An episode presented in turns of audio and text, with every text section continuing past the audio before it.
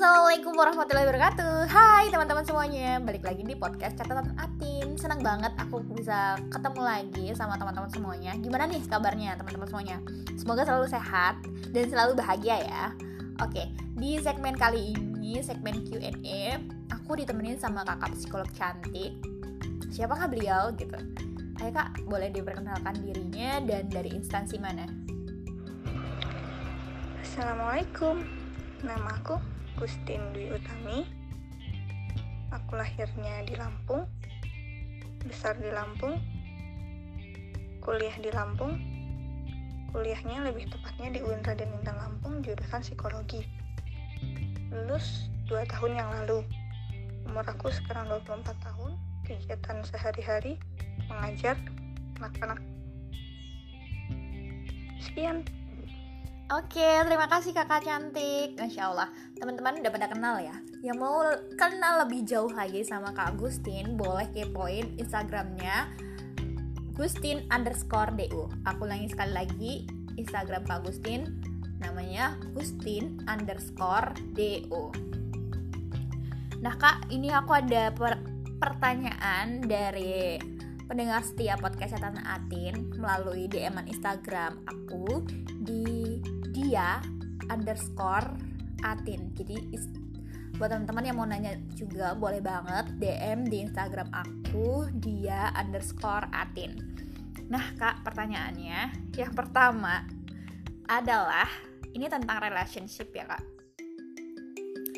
Jadi gini pertanyaannya apa sih kak bedanya antara rasa tertarik, kagum, dan juga jatuh cinta cinta itu seperti apa gitu.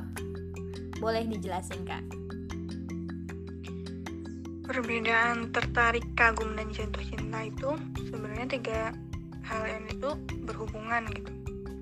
Tertarik dan kagum itu level eh, tahap dari sebelum kita jatuh cinta. Tertarik itu perasaan yang paling dasar sebelum kamu merasa kagum Cewek biasanya lebih lama daripada cowok fase tertariknya. Misalnya, di jalan ketemu cowok ganteng yang belum pernah kamu lihat sama sekali. Itu namanya tertarik. Sedangkan kagum, biasanya muncul setelah rasa tertarik bisa ke siapa aja, kapan aja, dan di mana aja. Kagum sifatnya sementara, karena jika kamu menemukan orang lain yang lebih mengagumkan, kamu akan berpaling. Saat kamu mengagumi seseorang, kamu hanya akan memperhatikan kelebihannya saja. Jika kamu menemukan satu keburukan saja, rasa kagummu bisa hilang. Sedangkan kalau jatuh cinta itu fase tertinggi dari perasaan-perasaan ini gitu. Fase ini kamu bakal rela berkorban demi pasangan. Bahkan saat kamu menemukan keburukan, kamu hanya akan memakluminya dengan alasan Cinta harus menerima segala kekurangan. Cinta juga butuh pengorbanan. Kadang kamu tahu pengorbanan yang kamu lakukan itu sia-sia, tetapi tetap kamu lakukan. Itu namanya jatuh cinta. Nah, teman-teman semuanya, jadi udah tahu ya, perbedaan antara tertarik, kagum, dan juga jatuh cinta itu apa sih gitu. Nah, Kak, next nih, Kak. Aku mau nanya, kenapa sih, Kak, pria dan wanita itu bisa saling tertarik, kagum, dan juga jatuh cinta? Kenapa pria wanita bisa saling tertarik, kagum, dan jatuh cinta? Ya karena kita dikasih perasaan yang butuh difungsikan. Kita juga punya indera yang butuh difungsikan. Kita punya emosi yang bisa kita rasain kapan aja, di mana aja, sama siapa aja. Kita punya kebutuhan yang perlu kita penuhin, termasuk rasa ingin dicintai dan mencintai. Perasaan ini perlu disalurkan supaya hidup kita nggak sepi. Makanya ada yang namanya jatuh cinta. Kadang kita ketemu sama orang yang salah dulu supaya kita ngerti apa arti kecewa. Hidup nggak mungkin selalu sesuai sama yang kita inginin. Untuk punya orang yang nerima kita pun, kita juga harus lebih dulu mencintai diri kita sendiri. Nah, tuh teman-teman. Jadi kita itu punya rasa ya, Kak. Kita punya rasa yang perlu diisi gitu kita punya kebutuhan yang harus dipenuhi gitu teman-teman. Jadi cinta mencintai dan dicintai itu adalah suatu kebutuhan teman-teman. Catat ya kebutuhan. Berarti kalau nggak terpenuhi ya gimana gitu? Namanya kebutuhan wajib. Makanya uh, seorang itu bisa mudah baper gitu ya kak. Ketika dia itu mendapatkan perhatian mendapatkan pujian gitu dari seseorang lawan jenis terutama. Iyalah masa jatuh cinta sama sesama jenis. Jangan sampai ya serem banget. Jadi ada nih kak cewek dia itu lagi di posisi yang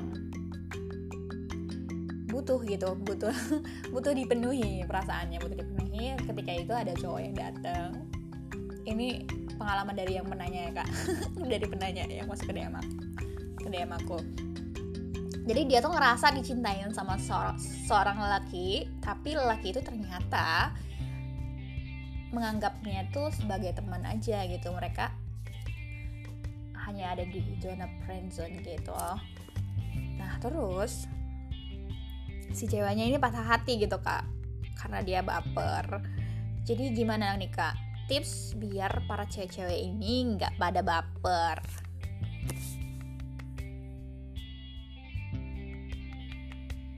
Tips cewek agar tidak mudah baper. Yang pertama, ciptakan batasan agar perasaanmu tidak sampai pada berharap pada orang yang salah. Benteng pertahananmu itu penting ketika kamu dipertemukan dengan cowok yang mudah memberikan perhatian pada cewek tanpa punya perasaan lebih. Cowok kayak gini tuh sering kita jumpain, dia bisa friendly sama semua cewek. Yang kedua, sebisa mungkin hindari cowok yang populer di antara cewek-cewek. Karena apa? Kalau kamu udah jatuh cinta sama cowok friendly, susah. Kecuali kalau cowok itu jatuh cinta duluan sama kamu. Yang ketiga, biasanya cewek itu punya feeling yang kuat. Semisal cowok yang lagi deket itu main-main atau serius, kalau udah ada feeling dia bakal PHP-in, ya udah kamu hindarin aja. Jangan dengan nenangin perasaan kamu. Jadi kamu berharap dia nggak gitu kok. Buktinya dia perhatiin aku. Pas sakit aku dibeliin obat sama makan. Jangan hanya karena makanan kamu jadi ngerasa spesial apalagi dia bukan siapa-siapa kamu. Status itu menurut cewek penting agar cewek tahu seberapa jauh mereka harus bersikap. Jadi buat cowok-cowok yang punya orang spesial, ya nyatain. Nah, teman-teman tuh dia tipsnya udah pada catet kan? Jadi buat cewek-cewek jangan udah baper ya. Ciptakan batasan dan buat para cowok yang punya orang spesial nyatain gitu. Jangan kalau lu nggak suka jangan lu baperin kalau lu suka ya nyatain oke okay, teman-teman semuanya sesi Q&A kali ini udah cukup sampai di sini dulu Semoga ini bermanfaat untuk teman-teman semuanya. Thank you banget Kak Agustin. Aku happy banget bisa broadcast bareng sama Kak Agustin ini spesial banget buat aku the first time gitu kan semoga next segmen kita bisa ketemu lagi ya kak. Dan buat teman-teman semuanya.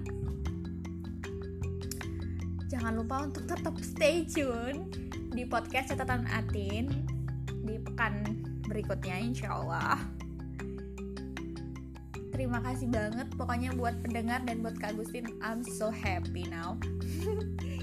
Dan Atin akhiri. Wabillahi taufiq wal hidayah wassalamualaikum warahmatullahi wabarakatuh bye bye